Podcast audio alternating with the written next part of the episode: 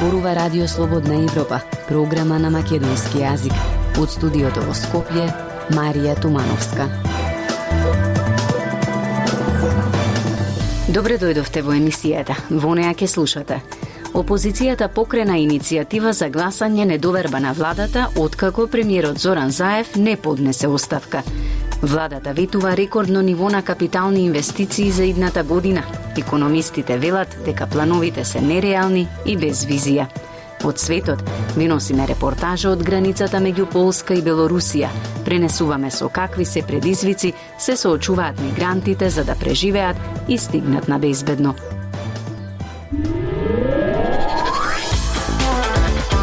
Независни вести и анализи за иднината на Македонија. На Радио Слободна Европа и слободнаевропа.мк.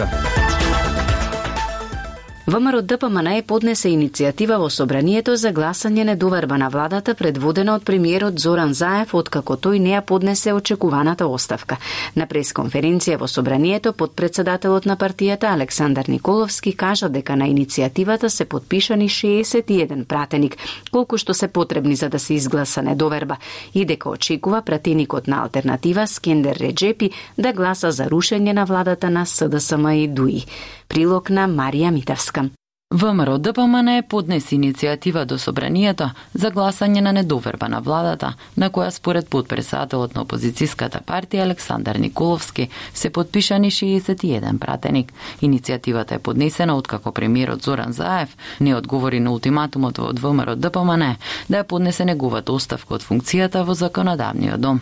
Николовски го повика председателот на Собранието Тала Џафери најбрзо што може да закаже седницата. Доколку моментот треба да гласа дојдба на влада или најдосно во четврто, почекувам да има 61 плюс, односно, сакал да информирам јавноста, дека во текст интензивни разговори и со уште неколку пратеници во Македонското собрание и очекувам дека иницијативата за недоверба на влада ќе подржат повеќе од 61 пратеници. Пратеникот на алтернатива Скиндер Реджепи предходно изјави дека неговиот подпис нема да се најде до пратениците на Левица и покрена сумнеш во тврдењата на ВМРО ДПМН дека имаат мнозинство од 61 пратеник за гласање на недоверба на владата.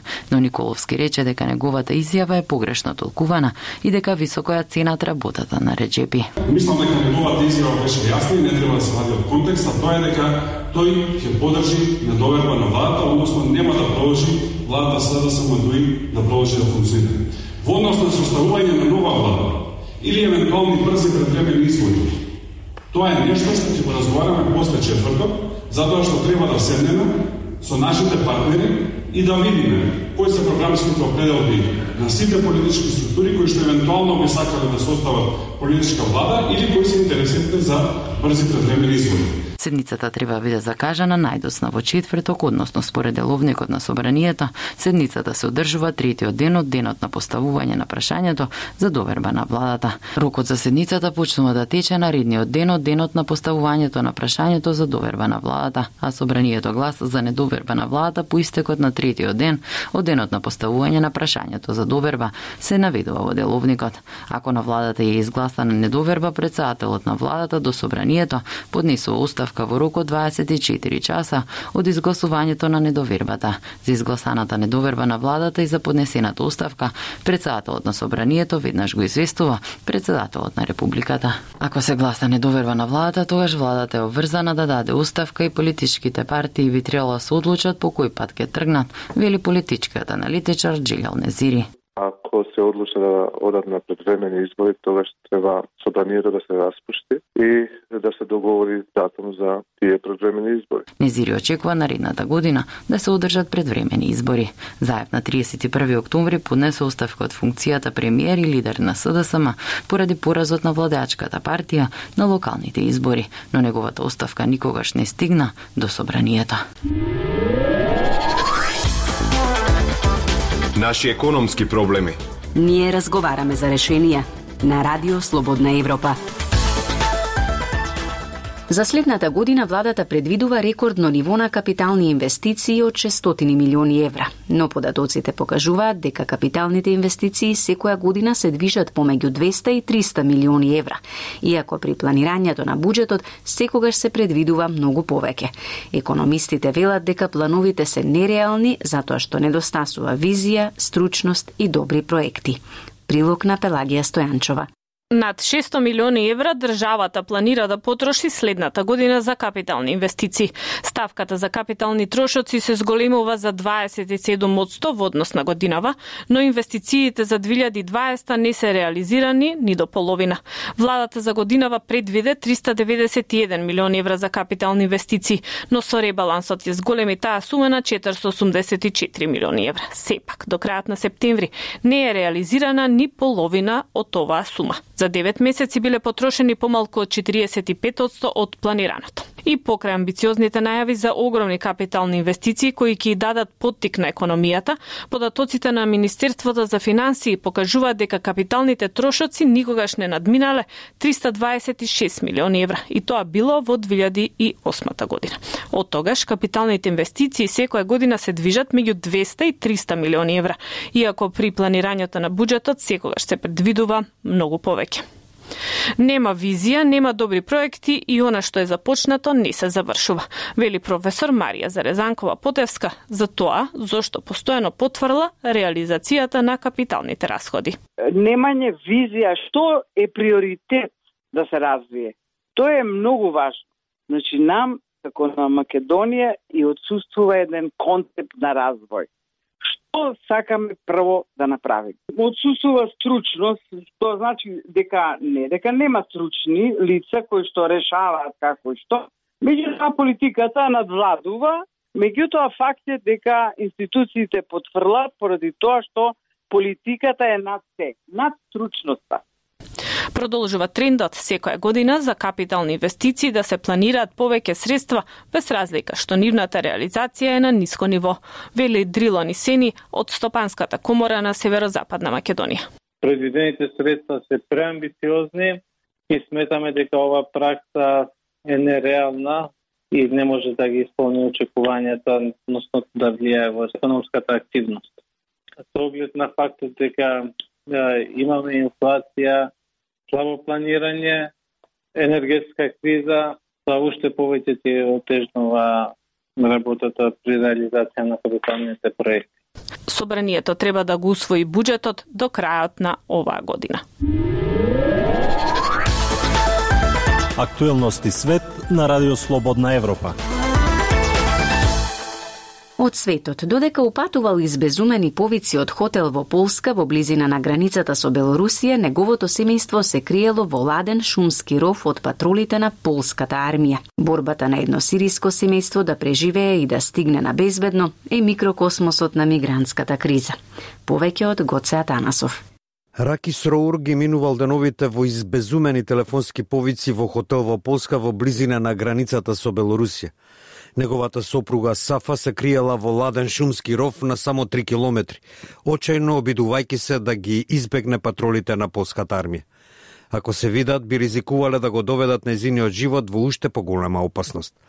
Сроур, 25 годишен медицински работник кој доби азил во Германија во 2016 година, е добредеден во Полска но не беа добредојдени неговата сопруга, татко, сестра, брат, вујко и братучет, кои заминаа во Белорусија од нивниот дом во Сирија, за да преминат во Полска со помош на белоруските граничари. Тие талкале низ полската дивина две недели без храна или вода, спиејки во мочуриштата. Два пати беа откриени и вратени назад во Белорусија од полските граничари, пошто беа принудени да го започнат напорното патување од нула но со оглед на тоа што ноќните температури сега се приближуваат до нулата, Сроур знаел дека се соочува со ужасен избор. Оставањето на Сафа и членовите на неговото семејство во шумата може да биде фатално. До сега на полско-белоруската граница загинаа најмалку 10 мигранти. Обидот да ги прошверцува во Германија, каде што се надева дека ќе добијат азил, ризикуваше нивно апсење во полската област која е претворена во милитаризирана зона, бидејќи бројот на мигранти што минуваат од Белорусија, потикнати од авторитарниот режим на Александар Лукашенко, вртоглаво порасна. Мигрантската криза долж границата на Полска со Белорусија е хуманитарно темпирана бомба која очукува на источниот рап на Европската Унија. Илјадници баратели на азил допатуваа во Белорусија во последните месеци, охрабрени од забрзаната обработка на визите и зголемениот број дневни летови од земји како Јемен, Ирак, Сомалија, Афганистан и Камерун. Иако огромното мнозинство продолжува кон Поска, многумина побараа влез во соседните Летонија и Литванија, исто така членки на Унијата. Тоа е дел од државно спонзорирана шема за која представници на Европската Унија велат дека е еднаква на хибридна војна. Главната цел е да се казнат Литванија и Поска за нивната подршка на опозицијата вели Арцјом Шрајбан, белоруски политички аналитичар кој живее во екзил. Лукашенко смета дека нема што да изгуби, додава тој. На истокот на Полска животот е прекинат. Локалните жители во Хајновка и другите градови во близина на границата се цел на редовни полициски контроли. Култура и уметност. На Радио Слободна Европа од културата. Фрески од Благоја Ивановски, концертот за пијано и оркестар број 2 и танцот на смртта од Камии Сенсанс се делата што ќе ги изведе оркестарот на Филхармонија во својот редовен термин во четврток на 11 ноември во 20 часот. Солист ќе биде една од најдобрите млади пијанистки на светската музичка сцена Јеоле Умсон од Јужна Кореја, а диригент маестро Сашо Татарчевски. Деталите од Лјупчо Јолевски.